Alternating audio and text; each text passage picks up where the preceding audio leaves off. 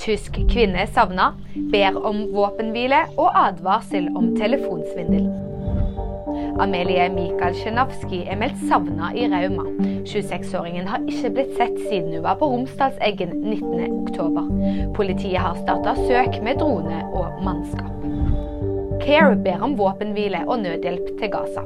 Hjelpeorganisasjonen er svært bekymra for situasjonen, ifølge en pressemelding. Det trengs mat, medisiner og drivstoff til strømgeneratorene på sykehusene, skriver de videre. Politiet advarer om telefonsvindel. Det er snakk om svindlere som ringer fra et norsk telefonnummer og utgir seg for å være utenlandsk politi, sier Oslo politidistrikt. De oppfordrer til å ikke gå videre med samtalen og ikke oppgi personlige opplysninger. VG-nyheter fikk du av meg, Julie Ravnås.